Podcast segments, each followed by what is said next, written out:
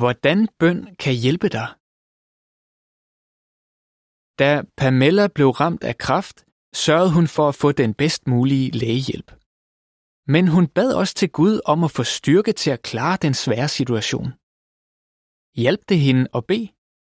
Mens jeg gennemgik kræftbehandlingen, blev jeg ofte ramt af en voldsom frygt. Fortæller Pamela. Men når jeg bad til Jehova Gud, faldt der ro over mig, og jeg kunne tænke mere klart. Jeg lider stadig af kroniske smerter, men bøn hjælper mig til at bevare et positivt syn på livet.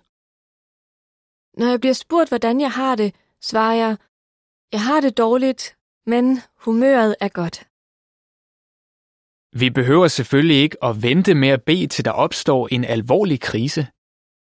Vi kommer alle sammen ud for udfordringer, store og små, og føler ofte et behov for hjælp til at klare dem. Kan bøn gøre en forskel der? Bibelen siger, Kast din byrde på Jehova, og han vil holde dig oppe. Han vil aldrig tillade, at den retfærdige falder. Salme 55, 22. Det er virkelig en opmuntrende tanke. Så hvordan kan bøn hjælpe dig? Når du beder til Gud på den rigtige måde, vil han give dig det, du skal bruge for at kunne klare de udfordringer, du står overfor. Det følgende er supplerende oplysninger. Hvad du får ud af at bede. Fred i sindet. Læg jeres ønsker frem for Gud, så vil Guds fred, som overgår al forstand, beskytte jeres hjerte og jeres sind gennem Kristus Jesus. Filipperne 4, 6 og 7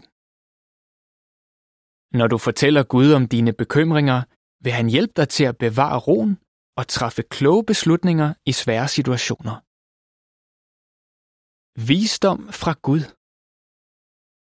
Hvis nogen af jer mangler visdom, skal han derfor blive ved med at bede Gud om at få den, for Gud giver gavmild til alle og uden at kritisere, og han vil få, hvad han beder om. Jakob 1:5 når man er under stort pres, kan man let komme til at træffe uheldige beslutninger. Hvis du beder Gud om visdom, kan han minde dig om de mange gode råd, der findes i hans ord, Bibelen. Styrke og trøst alt har jeg styrke til på grund af ham, der giver mig kraft. Filipperne 4:13 Jehova Gud er almægtig, så han kan give dig al den styrke, du skal bruge for at klare problemer og holde ud under modgang.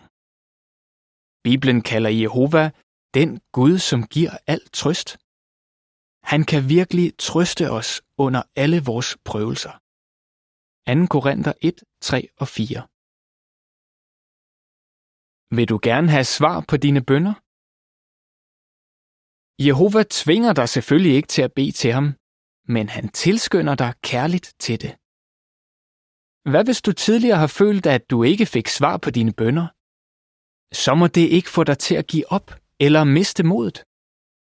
Kærlige forældre hjælper ikke altid deres børn på præcis den måde, eller lige på det tidspunkt, som børnene måske forventer. Det kan også være, at forældrene kan se, at der er en bedre løsning. Men én ting er sikker. Kærlige forældre vil hjælpe deres børn. Jehova Gud, vores kærlige far, ønsker også at hjælpe dig. Hvis du studerer de råd, bladet her giver, og gør hvad du kan for at følge dem, vil Gud besvare dine bønder på den allerbedste måde. Artikel slut.